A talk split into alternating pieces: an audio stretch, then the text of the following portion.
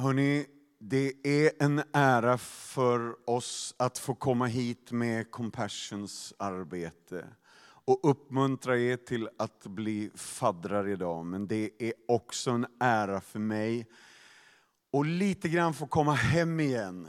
Så vi flyttade till Kolmården när jag var tio. Och vi bodde i Kråkek. Eh, jag gick på Roslaskolan och det var jättefint.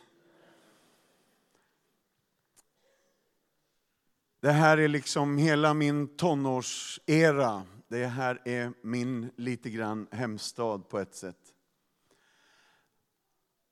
Så jag är väldigt glad att se er idag. Vi ska läsa Uppenbarelseboken. Det är kapitel 1 och det är vers 17 och 18. När jag såg honom föll jag ner som död för hans fötter. Och han la sin högra hand på mig och sa, var inte rädd. Jag är den förste och den siste och den som lever. Jag var död och se, jag lever i evigheters evighet. Och jag har nycklarna till döden och dödsriket. När jag var liten så gick min mamma på gympa på tisdagar i Uttersbergsskolans gymnastiksal. Och min stora syster Ingela var med och de hade just duschat och det var mitt i vintern. Och gympafröken, hon frös och hittade till slut sina nycklar. Men fick inte upp dörren på bilen.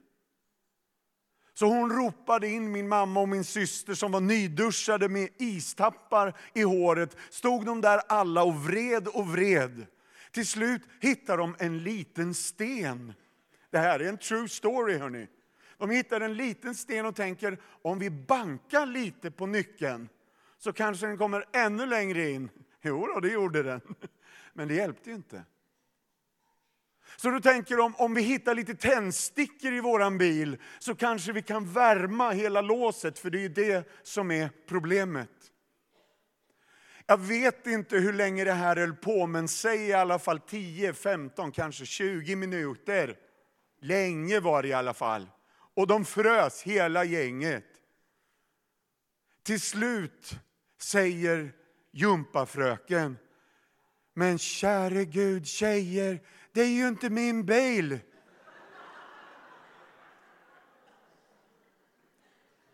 De hade bankat sönder någon annans lås på en stackars bil som stod där på parkeringen och de satte snällt en lapp och åkte snabbt hem. I Uppenbarelseboken så får en församling frågan. Se, jag står vid dörren och bultar. Får jag komma in och äta middag med er? Underförstått så är det ju, alltså det är ju Jesus. Det är ju Jesus vi pratar om. Det är uppenbart i texten. Men underförstått så finns det någonting, trots att han har nycklarna till döden och dödsriket, för det står ju redan i kapitel 1, så är det någonstans att det är ett frivilligt val. Att jag öppnar dörren och ni har sett tavlan där teckningen är med dörrhandtaget och nyckeln på insidan. Men för mig är frågan större än så. Om jag ger dig nycklarna till vårt hus, som Peter och Lena gjorde igår kväll, då har vi frihet till kylskåpet också. Om jag, om jag ger dig nycklarna till våran bil, så får du köra den om du inte bankar på låset. Så det finns någonting med det här med Jesus och nycklarna. Lyssna på den här frasen. Och han la sin högra hand på mig. Det är Johannes som har skrivit Uppenbarelseboken. Han känner Jesus, mötte Jesus och den sista kvällen så vilade han sitt huvud mot hans bröst. Nu 60 år senare så sitter han på helveteshålan Patmos som är dåtidens, vad ska vi säga, eh, fängelsehåla fast på en ö. Vad heter det utanför San Francisco där? Alcatraz, precis. Det är där han sitter.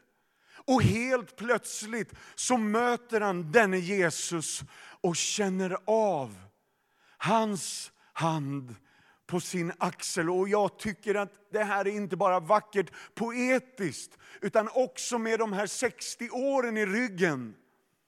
Så känner han av vems hand det är.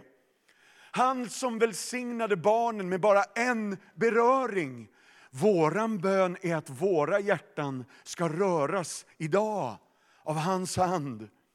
Han som botade sjuka med handpåläggning, alltså beröring. Tänk om han skulle öppna våra ögon lite till idag. Och han som botade leprasjuka och fortfarande kan göra under i vår tid. Döva som blev helade av att han på något sätt, allt möjligt, han, han spottade och gjorde geggamoja. Gör inte om det hemma. Men någonstans öron som hör vad Anden säger till församlingen idag. Att vi får lite vidgad blick och öppnade öron som hör vad Gud vill säga till oss. Fyra snabba saker nu då. Det första Jesus säger, var inte rädda. Känns inte det igen? Från i förrgår och resten av veckan. En ständig påminnelse som vi alltid, punkt nummer ett, återvänder till. Var inte rädda. Det är ju lätt för honom att säga. Han vet ju vem han är och han vet ju vad han har gjort. Men vi behöver ständigt bli påminda. Därför att vi har så mycket som vill skapa fruktan i våra liv. Varför ska vi inte vara rädda? Jo, därför att Jesus är vaktmästare på Roslaskolan. Alltid när man hade glömt nyckeln hemma till skåpet så fick man leta upp vaktmästaren och fråga snällt, kan du snälla följa med och öppna mitt skåp? Och ibland sa han ja. Men nu då? Jesus har nycklarna till döden och dödsriket. Där har du och jag anledning att lyssna med öppnade, vidgade öron. Är det sant? Stämmer det här? Då har vi anledning att inte frukta allt det som världen fruktar. Punkt nummer två. Jag var död och se, jag lever i evighet. Jesus är alltså inte bara en vaktmästare på Roslaskolan som har nycklarna, men som på pin kiv bestämmer sig för att inte öppna åt Martinsson. För det är så många gånger som han har glömt nyckeln hemma. Så den här gången tänker jag inte öppna, utan Jesus har nycklarna. Och med det betyder det, jag var död och se, jag lever i evigheters evighet. Han har dem och han använder dem.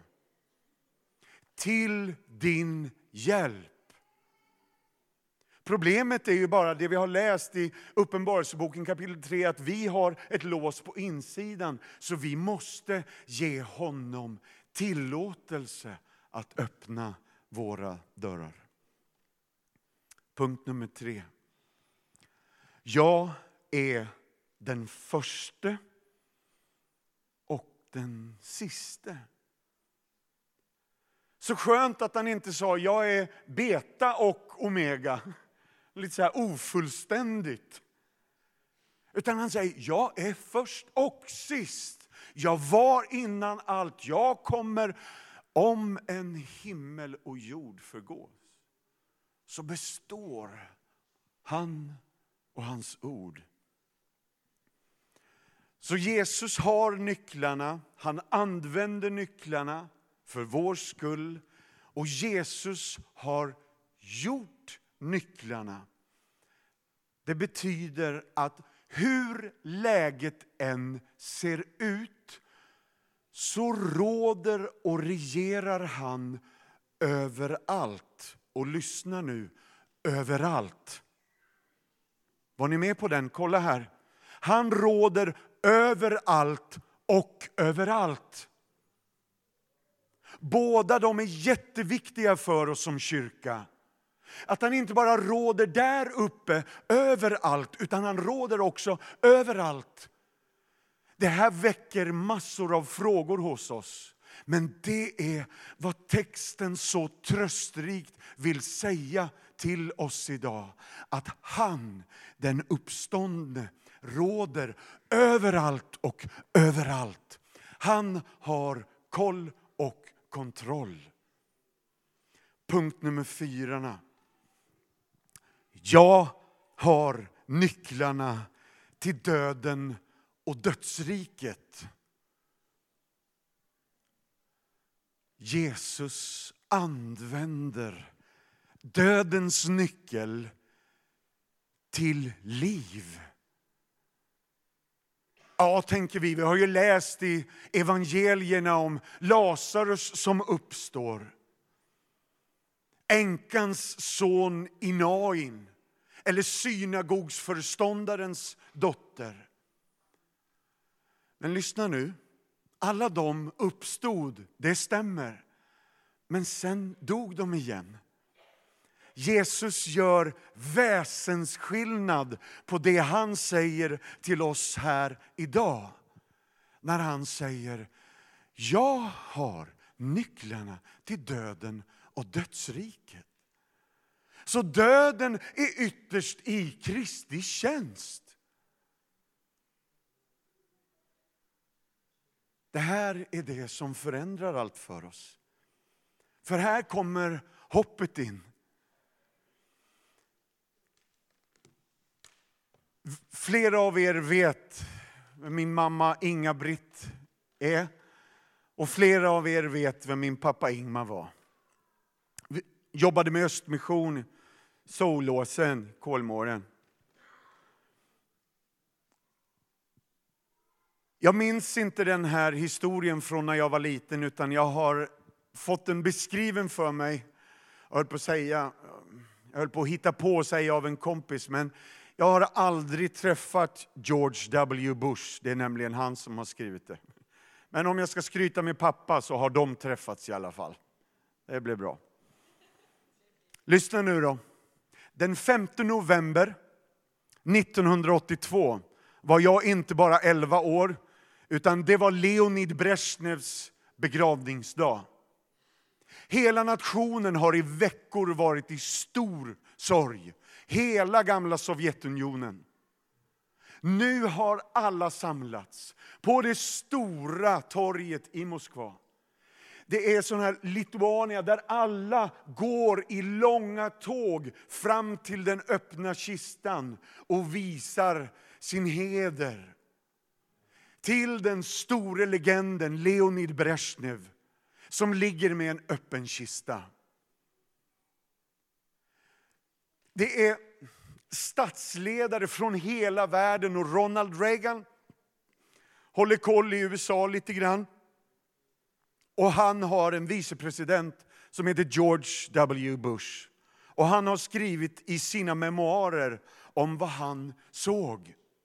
Men inte bara han såg, utan faktiskt hela världen såg på. För de direktsände den här begravningen 1982.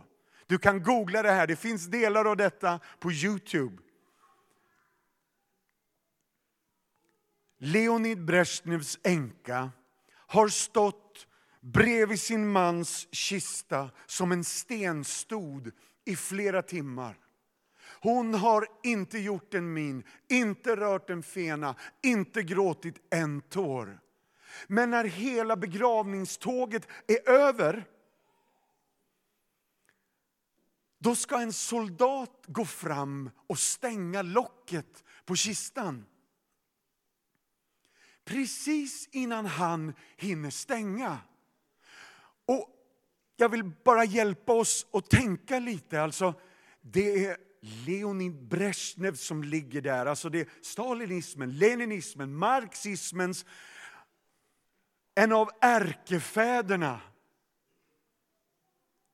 Och hans änka smyger fram, hinner före soldaten innan kistlocket stängs.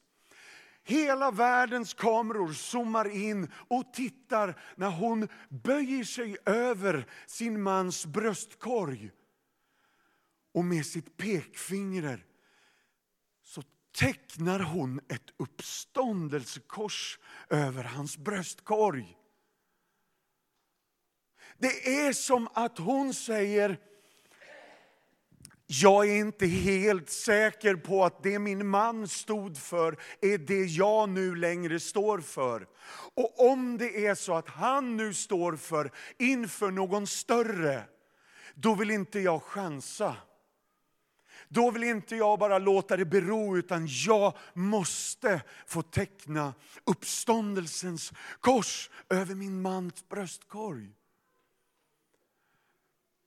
Alltså det finns ju för mig i alla fall, inget tydligare exempel på att kejsaren är naken.